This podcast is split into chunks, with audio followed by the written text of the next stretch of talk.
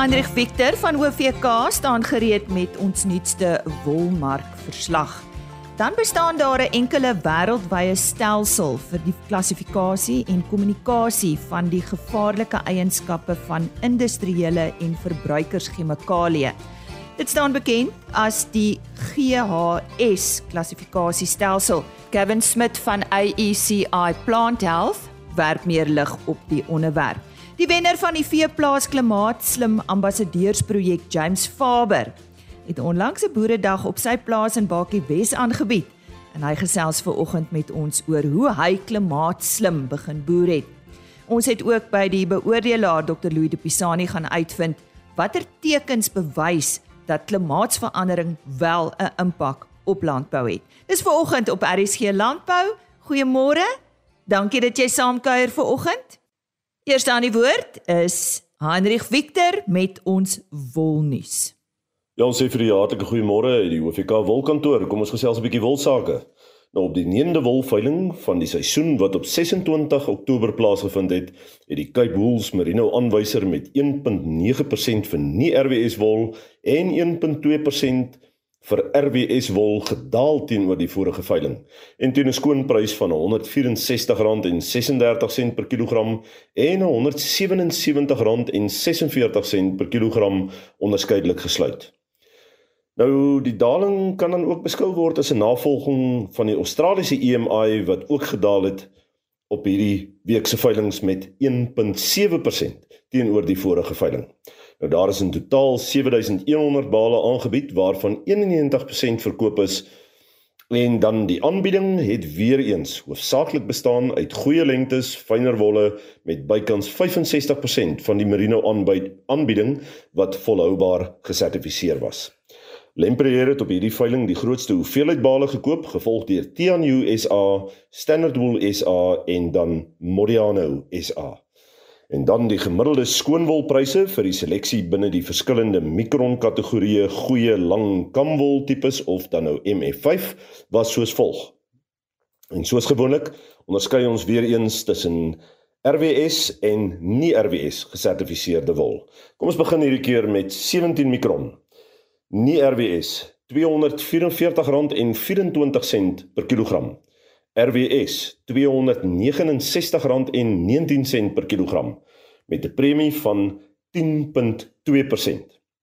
17.5 mikron, nie RWS R232.90 per kilogram. RWS R255.28 per kilogram met 'n premie van 9.6%. En dan kyk ons na 18.5 mikron, nie RWS R201.52 per kilogram. RWS R221.63 per kilogram met 'n premie daarvan 10%. En dan 19 mikron nie RWS R185.77 per kilogram. RWS R207.21 per kilogram met 'n premie daarvan 11.5%. En dan laastens kyk ons dan 19.5 mikron nie RWS verkoop teen R175.80 per kilogram en dan RWS wol R187.75 per kilogram met 'n premie daarvan 6,8%. Nou ja, dit is waarvoor ons tyd het hierdie week en laastens kan ons net noem die volgende wolveiling is geskeduleer vir 2 November waar sowat 6130 bale aangebied sal word. Tot ons weer gesels, alles wat mooi is en mooi loop. So sê Hendrik Victor van OVK. James Faber van Glenras boerdery daar in Bakley Wes is vanjaar aangewys as die eerste veeplaas klimaatslim ambassadeur.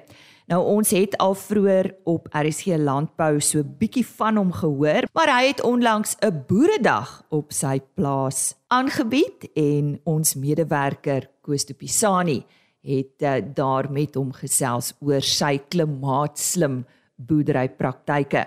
Daarna het hy ook uh, met Dr Louis de Pisani, ook 'n bekende op RSG landbou gesels oor klimaatsverandering en die impak op landbou.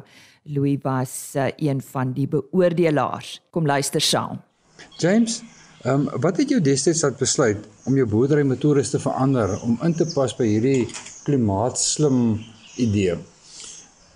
Koos, dankie. Weet jy wat ek dink nie klimaatslim was dalk ons die woord wat ons eers geken het, jy weet of aangedink het.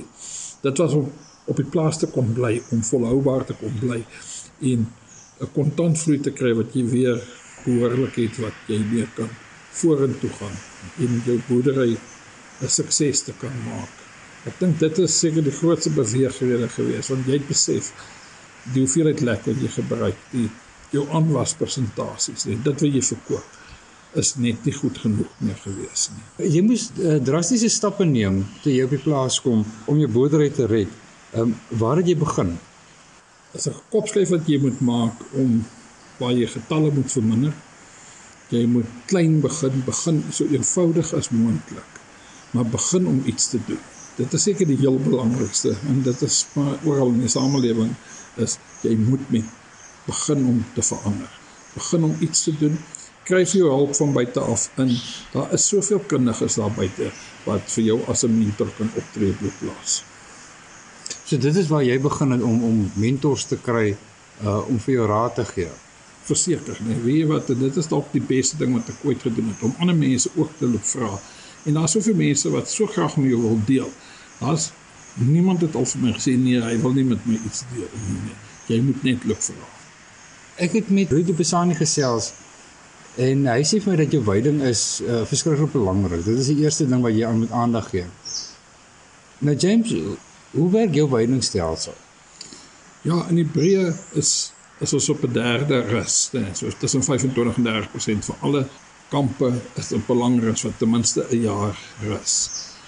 Dit is die basis waarvan ons die hele veidingstelsel werk. Dan bewy ons die ander kampe 3 keer per jaar wat is dan bepaal uit wat die toestand van 'n kamp. En as ons die toestand van 'n kamp het, dan weet soveel veidingsdae kan ons afhaal van daai kamp af. Nou, as jy sê 'n derde uh, weidingsrustyd, jou jou gewone boer het nie baie grond nie. Mense sê sy grond is beperk. Dink jy dit is 'n 'n maatstaf wat enige boer kan gebruik of wat wat sê jou raad wees vir 'n gewone boer met met met 'n kleinerige plaas? Begin klein al doen jy dit met 'n baie klein stukkie ne, een kamp wie net rus, nê. En kry die verbetering daarvan en bou op dit voort. Maar daarvoor is rekordhou ook net so belangrik. Want as jy nie gaan rekord hou wat jy doen en wanneer jy rus nie. Maar begin net en al begin jy dit baie klein, al doen jy dit net met 10% van jou kamp. Is begin met 'n klein stukkie. En wat is die voordeel van om so 'n kamp te laat rus? Ehm um, kan jy jou spesies samestelling in die kamp verbeter of ehm um, is dit maar net dat die die gras kans kry om weer 'n slag uit te groei. Nee, verseker jou grasse kry kans om behoorlik uit te groei. Spesies vestig, jou beter spesies raak net beter. Hulle verdring al die ou harde spesies, jou haasgrasse. Um so dis 'n totale skuif wat binne in 'n kamp inkom, jy weet. En ons ou grasse wat minder waardig is en baie hard is en nie so voedsaam is nie, verdwyn feitelik heeltemal deur jou russtelsel en jou bewydingstelsel so die, in die opkomende jare uh, is daai kamp dan net beter om om weer uh, vinniger uh, te herstel? Ja, verseker. Nee, jou herstel is net 10 keer beter nee en want daar's 'n baie beter wortelstelsel, jou benutting van water is baie beter. En jou draagkrag nadat 'n kamp so uh, lank gerus het, is dit ook dan beter? Verseker, jou draagkrag oor tyd en jy is besig om jou draagkrag te werk. Maar dis 'n baie lang proses jy weet wat jy moet begin by maar oor tyd. James, om 'n klimaatslim boer te wees, dink ek is is, is dit is 'n omvattende begrip eintlik. Nou hoe werk jou boerderystelsel in Hebreë? Koos, ja, dit is 'n samestelling van verskillende spesies, jy weet wat veldverbetering op die een kant is, maar ook jou genetika verbetering, jou kudde gesondheid. Dis alles wat moet bymekaar kom, jou mense, nê, en ek moet natuurlik vir julle sê om 'n klomp mense te hê wat deel van jou sukses vir alles wat by jou werk en deel van hierdie oplossing wees. Want want om op oplossing te dink dink ek is die grootste deel van hierdie boerdery stelsel waarin ons is want ons probeer om mekaar oplossings skep binne in ons besigheid. Dit was James Faber wat so lekker gesels. Louis, ons hoor van aardse warming en klimaatsverandering, maar hoe beïnvloed dit landbou? Kyk Koos, ehm uh, ek ek is nou nie 'n kenner uh op landbou as 'n as 'n geheel nie, maar jy weet ek ek ek werk met die veeboere en ek werk met die veebedryf. Uh en as daar's drie faktore uh van van die klimaat uh wat ons veeboere baie beïnvloed. Die een is die feit dat dit warmer word. Uh en ons weet al vir baie lank dat dit uh, warmer word as ons kyk na die statistiek, het dit oor die afgelope 100 jaar so 1.5 graad Celsius gemiddeld in Suid-Afrika warmer geword. Maar die issue is eintlik nie dit nie. Die belangrikste uh, vir die vir die veeboere is dat die die die periodes wat dit warmer is, word meer. Jy weet hierdie ekstreme warm periodes word meer. Uh en die duur, die tydperk wat daai ekstreme uh, uh warm periodes duur, dit word langer. En hitte is nie 'n goeie vriend vir diere nie. En diere begin dan aan hitte stres te ly. Hulle moet hulle self afkoel. Hulle vreet minder. Uh hulle hulle produseer minder, hulle reproduksie word aangetas en dit tas natuurlik die boere se winsgewendheid aan. So dis iets wat besig is om te gebeur. Uh wat die boere van moet kennis neem en wat hulle in hulle bestuursprogramme dan moet moet begin implementeer om dit te kan daai risiko beter te kan bestuur. Uh die die tweede een wat ons weet koes uh, wat besig is om te gebeur is dat ons reënval uh het nie die gemiddelde reënval in Suid-Afrika het nêrens afgeneem nie maar die aantal reëndae het definitief oral afgeneem. So ons kry nog dieselfde hoeveelheid reën, maar ons kry dit in minder reënstorms en dan is dit net logies om te sê dat die reënstorms word baie meer intens. So as dit die slag reën dan reën dit geweldig intens en ons kry 'n groot hoeveelheid reën. Wat ook besig is om te gebeur is dat ons begin ewe skielik 2, 3 jaar van uitsonderlike hoë reënval te kry. Maar ons kry nou ook 2, 3 jaar, 4, 5 jaar van uitsonderlike min reënval. Ons kry nie uh uh uh meer droogtes nie, maar ons is besig om meer intense droogtes te kry. So die getal droogtes bly dieselfde, maar die groot verskil is is waar ons in die verlede 2, 3 jaar droogtes na mekaar gekry het, kry ons nou 2, 3 jaar intense droogtes na mekaar. En dit verskil van die verlede. Die boere moet daarvan uh, uh, kennis neem en hulle moet dit in hulle in hulle bestuur inbou om om meer droogte gereed te wees. En dan natuurlik die derde een rondom die klimaat wat uh, besig is om uh, baie groot invloed te hê op ons veeboere is die verhoging van die CO2. Nou ons weet dat oor duisende jare was daar 'n natuurlike uh ek wil amper sê op en af van die CO2 van die van die atmosfeer. Uh en dis 'n natuurlike proses. Uh maar die sedert die vroeë 1900s uh, uh uh is die CO2 vlakke in die atmosfeer besig om geweldig toe te neem. In die verlede het hy so gewissel tussen 180 dele per miljoen en so 380 dele per miljoen. Maar ewe skielik hier van van die vroeë 1900s af begin hy uh hy's in 'n normale stygfase, maar hy styg nou baie hoër as wat hy ooit in die verlede gestyg het. En ons staan op die oomblik by ongeveer 425 dele per miljoen. Die effek daarvan is is dat veral ons houtagtige plante en dis die dis ons struike en bome is besig om geweldig te verdig. Uh en en uh ons indringerplante is ook besig om te verdig. So ons inheemse plante wat die vermoë het om te verdig, so swartak, uh valbos, uh, rosientjiebos, uh, daar's 'n hele reeks van hulle. Hulle is almal besig om dramaties vinnig te verdig, baie vinniger as in die verlede. En as ons gaan kyk na geskiedkundige fotos wat geneem is van dieselfde areas oor baie jare, dan sien ons dit is besig om te gebeur. Uh so daarvan moet die boere kennis neem, want hierdie bos wat verdig is besig om ons grasplante te verdring. En dis eintlik ons dit die dis nie die bos wat ons uh, wat ons vee boere se se vee se kos is nie. Dit is die gras. Uh en is besig om die gras te verdring. En baie van hierdie areas as ons vat die Noord-Transvaal is besig om so te verdig dat hulle besig is om boskasies te word. Hulle word so dig dat mens of dier kan nie daar aangaan nie. So al is daar ook veiding binne in daai boskasies, die mens of dier kan nie daar aangaan nie. En dit is die drie goed wat die klimaat besig is, uh die effek wat die klimaat besig is om te hê op ons op ons veeboere. En dit gaan voortduur tot tot nog vir 20, 30, 40, 50 jaar. Louis, dit is 'n baie baie negatiewe prentjie wat jy nou hier uh, skets. Ehm um, dis nou soos 'n swak uh, hand wat jy vir jou uitgedeel word om mee te speel. Maar uh hoe kan boere te werk gaan of waar kan hulle begin om om uh dan klimaatslimmer te begin boer?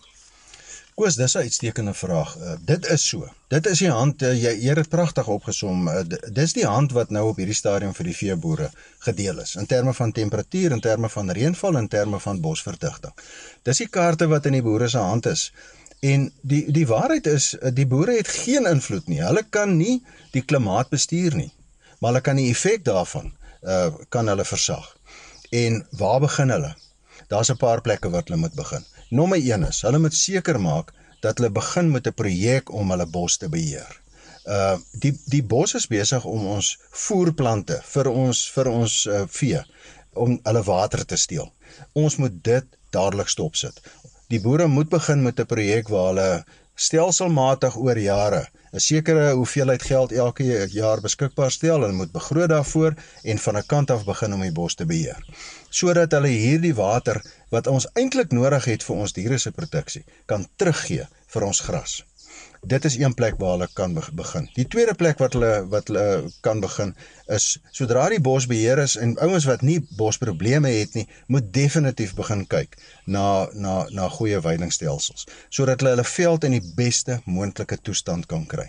Ons het 'n baie jare se navorsing in Suid-Afrika en ons 'n geskiedenis daarvan en waarskynlik die die die navorser wat vir ons die beste werk daar rondom gedoen het is professor Henny Snyman. Wat vir ons net eenvoudig gewys het hoe beter die veld se toestand hoe minder droogte gevoelig is daai veld hoe hoër is die uh uh droëmateriaalproduksie hoe hoër is is die veeproduksie en en en uh, reproduksie so Goeie veld is wat is is een van daai buffers wat hulle in plek moet plaas om hierdie wisselvalligheid te hanteer. Goeie veld hanteer wisselvalligheid baie beter is 'n swak veld wat hoofsaaklik bestaan uit eenjarige plante. Want ons weet die eenjarige plante reageer net op goeie jare. En uh die swak jare reageer hulle glad nie uh, op nie so. Ons moet moet vir die boere leer om hulle veld uh meer uh uh volhoubaar te benut. Uh die die derde een is 'n uh, boere moet leer om uh, baie baie streng onder hulle diere te selekteer. Die diere ervaar nou al hitte stres. So die diere wat onder jou omstandighede nie goed produseer nie, raak ontslaaf van hulle. Want jy weet, die wat oorbly, hulle produseer mos nou goed en hulle kan hierdie hierdie hoë hitte uh omstandighede, hierdie stres toestande kan hulle hanteer. Hulle kan dit baie beter hanteer. So boere moet net leer om dit te doen. Hulle moet ophou om hulle diere meer kansse te gee uh uh want daai diere wat hierdie strestoestande van die hitte nie kan hanteer nie, hulle wys hulle self uit deur baie swak produksie te gee. Uh en en en en dit dit is die tipe van goed uh koers wat die boere in plek moet plaas en dan natuurlik die laaste ene is uh die boere moet regtig leer om hulle voor te berei vir die volgende droogte. Die meeste boere word met hulle broek op die skoene gevang. Dat uh, dit word droog en dan wil hulle begin planne maak. Jy kan nie planne maak vir droogtebestuur in 'n droogte nie. Jy moet wanneer dit reën en goed gaan, moet jy planne maak en moet jy begin buffers in plek plaas sodat wanneer 'n droogte sou dan kom, dat jy hom beter kan bestuur. Dit was Dr. Louis de Pisani wat so gesels uh, en soveel waardevolle wenke vir die boere gee. Ek is Koos de Pisani vir RC Landbou. Ons dank aan Koos de Pisani wat tydens die boeredag daar op Glenras in Baaklie Wes met die 2022 veeplaas klimaatslim ambassadeur James Faber gesels het oor klimaatsverandering en hoe hy klimaatslim boer en daarna ook met Dr Louis de Pisani. Hy is 'n weidingskundige en een van die beoordelaars van hierdie projek. Ons vind vandag meer uit oor die GHS klassifikasiestelsel. Dis dalk beter bekend as GHS. Nou, almal van ons is bekommerd oor ons omgewing en die skade wat verskeie chemikalieë en in landbou se geval onkruiddoders aan die omgewing rig en daar is gelukkig 'n stelsel in plek wat uh, hopelik hierdie sal beheer. Ons gesels met Gavin Smith. Hy is tegniese adviseur by AECI Plant Health. Gavin, ja, goeiemôre. Dankie vir jou tyd vandag. Presies wat is GHS of die GHS klassifikasiestelsel net in 'n neutedop? Ja, goeiemôre Lise en, en baie dankie vir die geleentheid uh om hierdie ek dink 'n baie breedwerpige onderwerp uh wat nou plaasvind in in Suid-Afrika. Ehm um, en ek dink dit is belangrik dat uh vir die luisteraars daar buite net so vlugtig ehm um 'n inleiding te, te gee wat uh wat, wat dit alles behels. So uh, omdat ek nou in Natal bly, ek gaan so 'n bietjie oorswaai na na Engels toe hierdie kant van die boereworsgedyn en die ouens 'n bietjie geleentheid gee om om 'n 'n bietjie in, in Engels te hoor. Jy's welkom, gaan voort. So yeah, in a nutshell, global GHS uh, classification is, is, stands for the Global Harmonized System Classification. It's it's a fairly simplistic term, and, and there's a lot more explanation that can be coupled to that. But really, what it does, it comprises a, a global standardization platform or a policy whereby all participating countries have agreed to adhere to the manner in which all products, whether it be air fresheners, toothpastes, Marmite, even Mrs. Ball's chutney, highlight all the ingredients and ensure that all of these ingredients abide by the, the GHS uh, classification criteria. And this allows for the safe handling, transportation, manufacturing, and ultimately the consumption to the, to the end user. Gavin, is daar net sekere lande wat deel is van hierdie klassifikasiestelsel? There are currently about 70 countries that uh, are involved in this a GHS classification system. It's continually expanding as countries are becoming more and more um, involved and engaged in the in the system. Um, and uh, within each country, they, they do actually have a choice to to which classification criteria they abide by. But by adopting into the actual GHS system, um, a country's global reach is, is more accessible, and uh, and therefore it negates any sort of need to continually adhere to to the countries or policies um, where um, the products are actually being exported to. Gavin, maar watse bestanddele vorm deel van hierdie stelsel? Yeah, Liz, interesting question. Basically, every ingredient um, in a product comes un- under the spotlight. So whether terms that you're familiar with, with things like MSG and all the little E numbers that uh, are one is familiar with on all product labels and things like that. So all of them actually that comprise um, uh, the, the makeup of the product, whether it's the actual active ingredient or the actual inert substances that, that compose of that uh, finished product are deemed um, part of those ingredients. And obviously in our sector, this certainly applies to, to the agricultural sector that the agrochemicals, the fertilizers, animal feeds, veterinary products, and so forth so, briefly, each ingredient is then classified into its chemical composition and falls into three categories, uh, namely whether it's carcinogenic, mutagenic, or, or, reproductive. And it doesn't just necessarily mean it has to fall into either one of those categories. It could be that it falls into two or even three of those categories. Sjoe, dit klink vir my na 'n komplekse storie en baie. Jy het nou gesê daar is 70 of wat lande wat deel is van hierdie klassifikasiestelsel. Nou ons uh, het verskillende as ek dit kan noem bestanddele. Ons praat verskillende tale, ons lees verskillend. Uh, hoe hoe is dit geïmplementeer? Is daar enigsins eenvormigheid? Yes, uh, Lisa, and I, and I think that uh, South Africa and, and, and a number of the associations and bodies that uh, are currently in South Africa play a very important role in um, ensuring that South Africa stays relevant, stays current, and that our access to global markets uh, is sustained. So, particularly in AECR, and and for that matter, all manufacturers really in in, in, the country, particularly that pertains to the, the, agricultural sector, are guided by by CropLife, which is uh, headed by Dr. Gerard van Duin and his team. So they are basically the governing body in South Africa, which ensures that South Africa adheres to the, the GHS uh, classification. Um, they are, however, involved in so much more than just this aspect, um, and they, they are definitely there to ensure that South Africa remains inclusive of all global practices uh, and standards. Um, so, so in short, how they ensure that is um, the use of pictograms is becoming a lot more prevalent, and that negates the need for, for different languages and minimizes the error or interpretation of what is currently on the, on, on the written labels. Gavin, ons wil nou met jou gesels oor die voordele. Nou ek het genoem in my inleiding dat ons is maar bekommerd oor die omgewing en die skade wat chemikalieë aan die omgewing doen, maar ek is seker daar's 'n paar ander voordele van hierdie stelsel. Wat is dit? Yeah, absolutely, Liz, and I think with the current um global focus on the environment um, and the need for testing of products uh, in, a, in a safe manner, whether it be on animals, trees. We all share the same planet. So manufacturers are becoming so much more attentive to what is required um, and as less impactful um, as, as what needs be.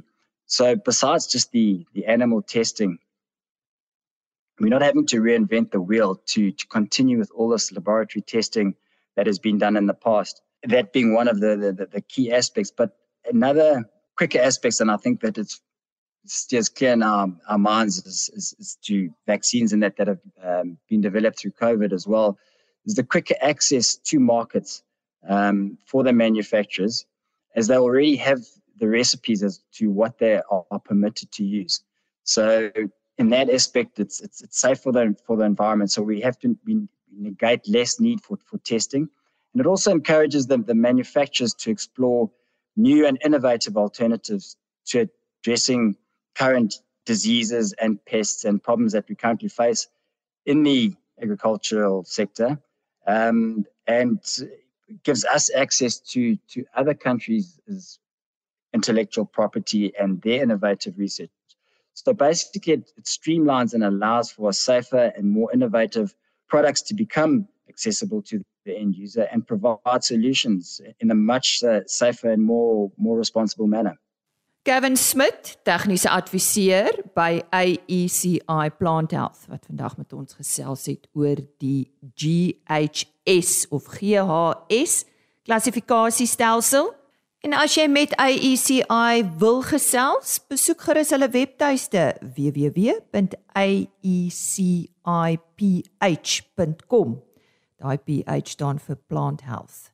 www.aeciph.com. Nou as jy 'n sitrusprodusent is, môreoggend op RSG Landbou gesels ek met Stefan Verrein van AECI Plant Health oor wit luis wat op sitrus voorkom. Dit is van die onderhoude. Ons eh, kuier ook verder saam met Koos Topisani daar op Bakli Wes. www.agriorbit.com Daar word die onderhoude afsonderlik gelaai. www.agriorbit.com rsg.co.za die volledige program daar as potgooi beskikbaar en dan sluit ek af met 'n e-posadres rsglandbou@plaasmedia.co.za ZA. Ek kuier graag weer môreoggend saam met jou. Totsiens. RSG Landbou is 'n plaas media produksie met regisseur en aanbieder Lize Roberts en tegniese ondersteuning deur Jolande Rooi.